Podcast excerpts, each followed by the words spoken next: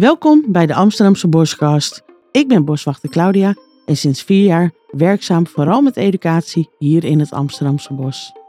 In de Amsterdamse Boskast nemen we je mee naar ons bos. We luisteren naar de geluiden en vertellen je de verhalen van het bos. Wat maakt ze mee en wat gebeurt er verder in de natuur, zo dicht bij huis en een grote stad?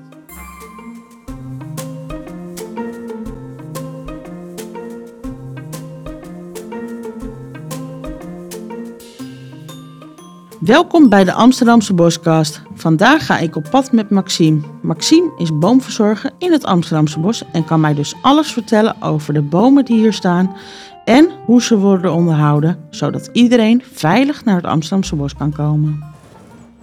Maxime, we lopen door een uh, heel mooi bos. Ja.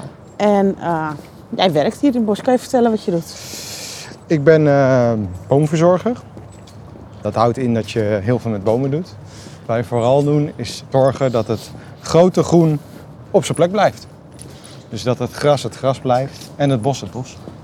Oké. Okay. En dat doen we door middel van uh, bomen zagen, maar ook bossages zagen of het uh, ruwe gras beheren. Dat doen we met maaien en afvoeren. En uh, ja, daar ben je het hele jaar mee bezig. Ja, super. Maar wat mij opvalt, hè, als ik, uh, door, ik ben rijd natuurlijk veel door het bos met mijn autootje ja. en op de fiets. En dan zie ik allemaal van die kleurtjes op de bomen. Ja. En nou weet ik dat we dat blessen noemen. Dat klopt. Doen jullie dat ook? Nou, het is heel grappig. Dat blessen dat komt eigenlijk van het, van het blessen van bomen. Dat deden ze vroeger met een mes. En uh, hakten ze een stuk schors eruit aan vier kanten. En dat was dan de bles van de boom. Maar nu doen we dat met een kleurtje, want dat is uh, lichamelijk beter voor je. Ja, snap ik. maar uh, we hebben inderdaad een aantal soorten kleurtjes. We hebben, we hebben blauw of groen. Verkleurt nogal eens. En dat zijn toekomstbomen. Daar zetten we een stip op. En die willen we ehm, kosten wat het kost eigenlijk behouden. Oké. Okay. Dus dat zijn bomen die we graag oud zien worden. En uh, meestal heeft, heeft, dat ook een, een ecologische waarde. Dus dat, je, dat er een mooie holte in zit. Of dat er een mooie, mooi nest, nestkroon. Dus dat er een, een plek is waar een, een, vogel een goed nest kan bouwen. En die, uh, die geven we dan een blauwe stip. En dan als we gaan, bijvoorbeeld gaan kappen, andere bomen weg gaan halen. Dan zorgen we dat we die boom niet raken. Want soms ontkom je er niet aan als je een boom omgooit dat je een andere boom raakt. Ja. Dat dus is, dat is blauw-groen? Dat is blauw-groen. En dan hebben we oranje. Oranje is, uh, zijn de dunningsbomen. Die, uh, die moeten gewoon weg omdat ze gevaarlijk zijn uh, voor de bezoekers in het, in het bos. Dus die hebben meestal een aantasting of die hebben een scheur of de goede paddenstoelen op. En die geven we dan een kleurtje, want die moeten weg. Ja. En halen jullie dat dan allemaal zelf weg? Of? Ehm, nee. Er zijn verschillende bedrijven die we, die we inhuren, die, die dat doen. Die daar gespecialiseerd in zijn. Ehm, en eigenlijk zijn die stippen altijd dichter dan 30 meter bij het pad. Oké. Dus uh, dieper in het bos kijken we ook wel naar de bomen. Maar daar doen we het liefst zo min mogelijk aan. Ja. Dus die laten we gewoon lekker hun gang gaan. En ehm, ja, die kunnen dus ook niet op het pad komen. Dus het vormt ook weinig gevaar. Gevaar, ja, snap ik. En zijn die, die kleuren, zijn die dan door het hele land hetzelfde? of zijn die specifiek voor één bos en dat bespreek je met de aannemer?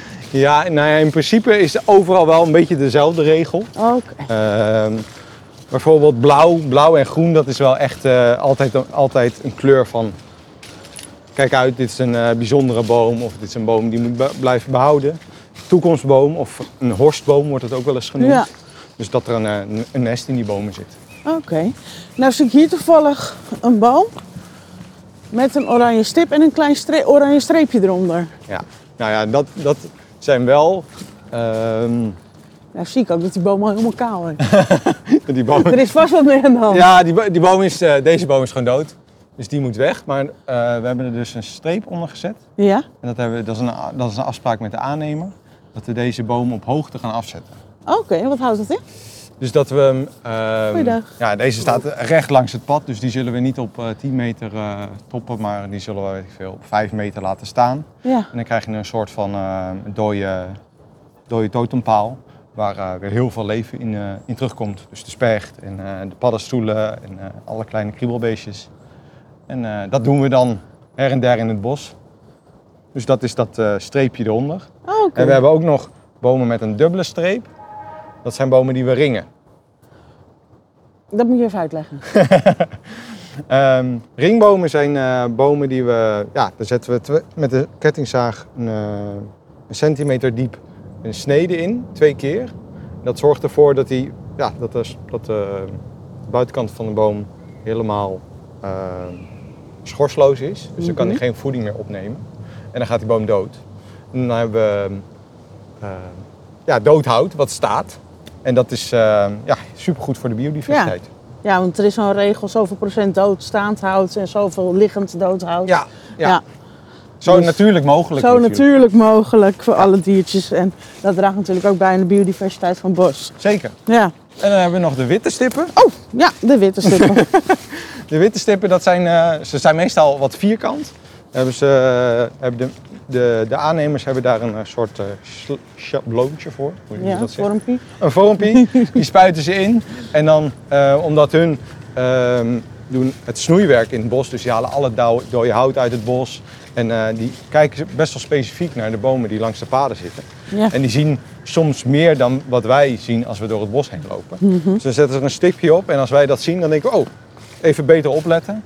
En dan kunnen wij beslissen of we die boom al weg willen hebben of dat we zeggen, nou, het kan nog wel een aantal jaar. En dan laten Ja. we hem nog een aantal jaar staan. Dus dat is eigenlijk gewoon een soort eh, boom eh, die onder de aandacht gebracht wordt door de aannemer. Ja, Ja, dat is zo duidelijk. Top. Eh, nou, dan hebben we blessen gehad. Nou hoorde ik jou over dunne. Maar ik heb ook eens iets over zorgplicht gehoord. Wat is nou, is er überhaupt verschil tussen die twee? Eh, zeker. Eh, de zorgplicht is eigenlijk puur voor de veiligheid van de mensen in het bos. Dus die, ehm, en dat heeft meestal ehm, eh, met onderhoud te maken van de bomen. Bomen die hebben op een gegeven moment gewoon dood hout. Niet per se omdat ze slechte staat zijn, maar gewoon omdat er te weinig licht op, op die tak komt. En dan zegt de boom, die hoef ik niet meer, die tak. En dan laat ik het afsterven. Dus die, die zorgen dus dat het, dat het eh, dode hout eruit gehaald wordt en dat er, eh, als er slechte takken of eh, probleemtakken in zo'n boom zijn, halen ze eruit en ze zorgen dat we de paden begaanbaar blijven. Dus dat we wel met de auto of met de trekker over de paden kunnen, Ja. dat we wel in het bos kunnen komen. Dat doen hun. En de dunning is puur om het bos vitaal te houden. Dus je hebt je, het, bos, het Amsterdamse bos is aangelegd. En ehm, dus al die bomen zijn allemaal even oud die Ja. je aanlegt. En die groeien allemaal met elkaar op. En als je daar eh, niks aan doet, dan heb je op een gegeven moment allemaal hele oude bomen. En dan stort, stort het bos als het ware in. Alle bomen gaan tegelijkertijd dood. Ja, En dat is precies wat je niet wil. Je wilt juist een, ja, dat heet met een mooi woord, een gelaagd bos. Dus jonge bomen en oude bomen en het liefst door elkaar. Dus dat er, ehm, dat die oude bomen op een gegeven moment dan, dan sterven is dan niet zo erg. Want er staan eronder alweer nieuwe bomen die die het, bos, over kunnen nemen. die het bos overnemen. En zo hou je dat bij. En dat doe je eigenlijk door middel van de dunning. Zijn dat ook dan eh, waarvoor je bijvoorbeeld die windgaten maakt? Eh, ja, ja, zeker. Eh, de dunning zorg je eigenlijk voor dat er ehm, licht in het bladerdek komt. Al die bomen zijn aaneengesloten en als je er een grote boom uithaalt, dan komt er weer licht op de grond en daar groeien weer bomen uit. Ja, Maar als je bij windworpgaten, creëren we eigenlijk juist een grote open plek. Dus daar eh, kunnen dan niet alleen maar jonge boompjes opgroeien, maar ook eh, wat, wat struikgewas en wat lagere struiken, waar, ja, waar weer heel veel beestjes naartoe komen. En heel vaak laten we juist in zo'n stormgat laten we inderdaad een paar bomen staan en die ringen we dan. Dus dan heb je veel licht op de bodem, maar dan ja, kunnen er toch veel beesten in die bomen wonen. En zo. creëert eigenlijk een soort stad voor diertjes. Eigenlijk, eigenlijk wel. Het, dat zijn vaak de mooiste plekjes Ja. in, de, in het bos, als je zo'n eh, windworpgat maakt. Jij weet eh, alles over, eh, over de bomen die hier staan. Maar hoeveel soorten hebben we nou ongeveer in het bos? Ja, is heel moeilijk te zeggen. Eh, er wordt gezegd dat er eh 60 soorten zijn. Maar eh, ja, een aantal soorten komen er heel veel voor. Dus we hebben de beuk, de eik, de es. eh, de, daar hebben nog meer veel. Esdoorn hebben we heel veel. Eh, maar we hebben ook een aantal bomen die komen er eigenlijk alleen maar één keer voor. Dus eh, we hebben een tulpenboom. Nou, er staat één tulpenboom in het hele bos. Dus ja, we komen wel aan de 60 soorten. Maar ze komen lang niet allemaal evenveel voor. Nee.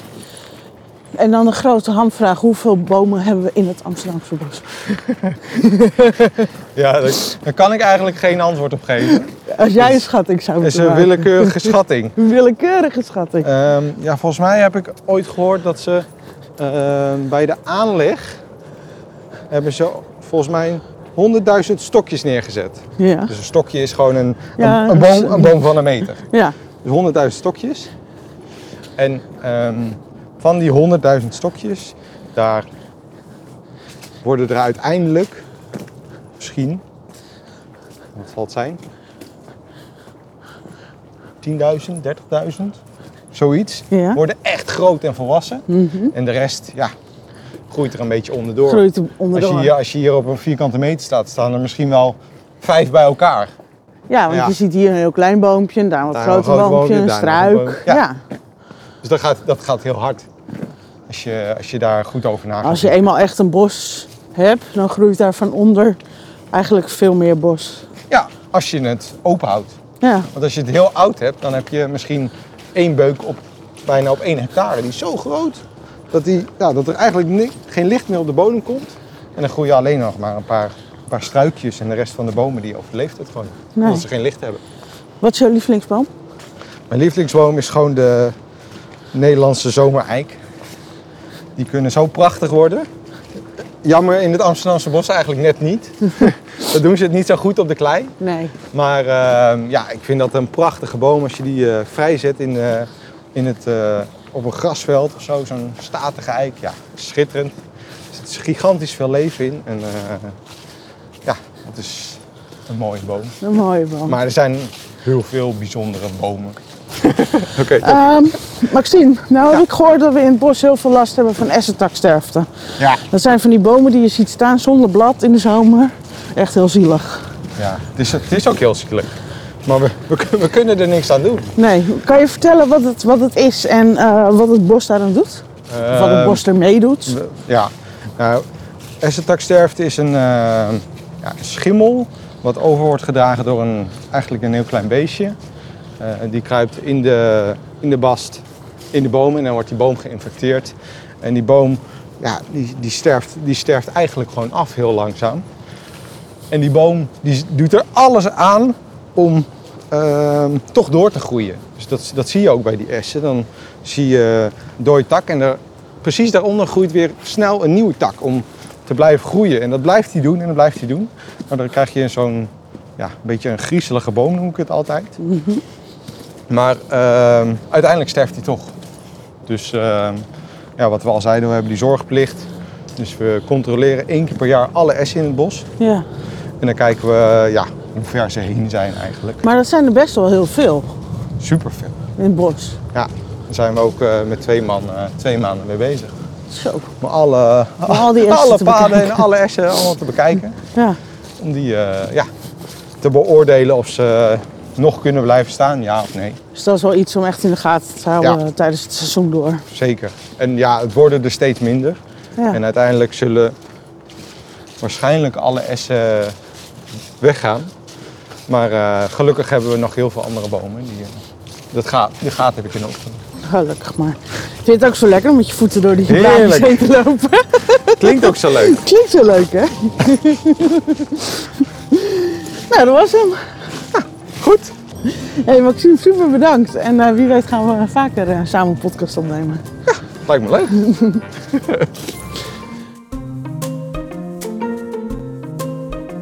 Bedankt voor het luisteren naar de Amsterdamse Boscast. Heb je nou nog een vraag over het Amsterdamse bos? Dan kan je deze vraag stellen via de Boswinkelmail. deboswinkel.amsterdam.nl Vermeld wel even in de titel Boskast, dan weten we dat de vraag van jou is en wie weet behandelen we hem in de volgende Amsterdamse Boskast.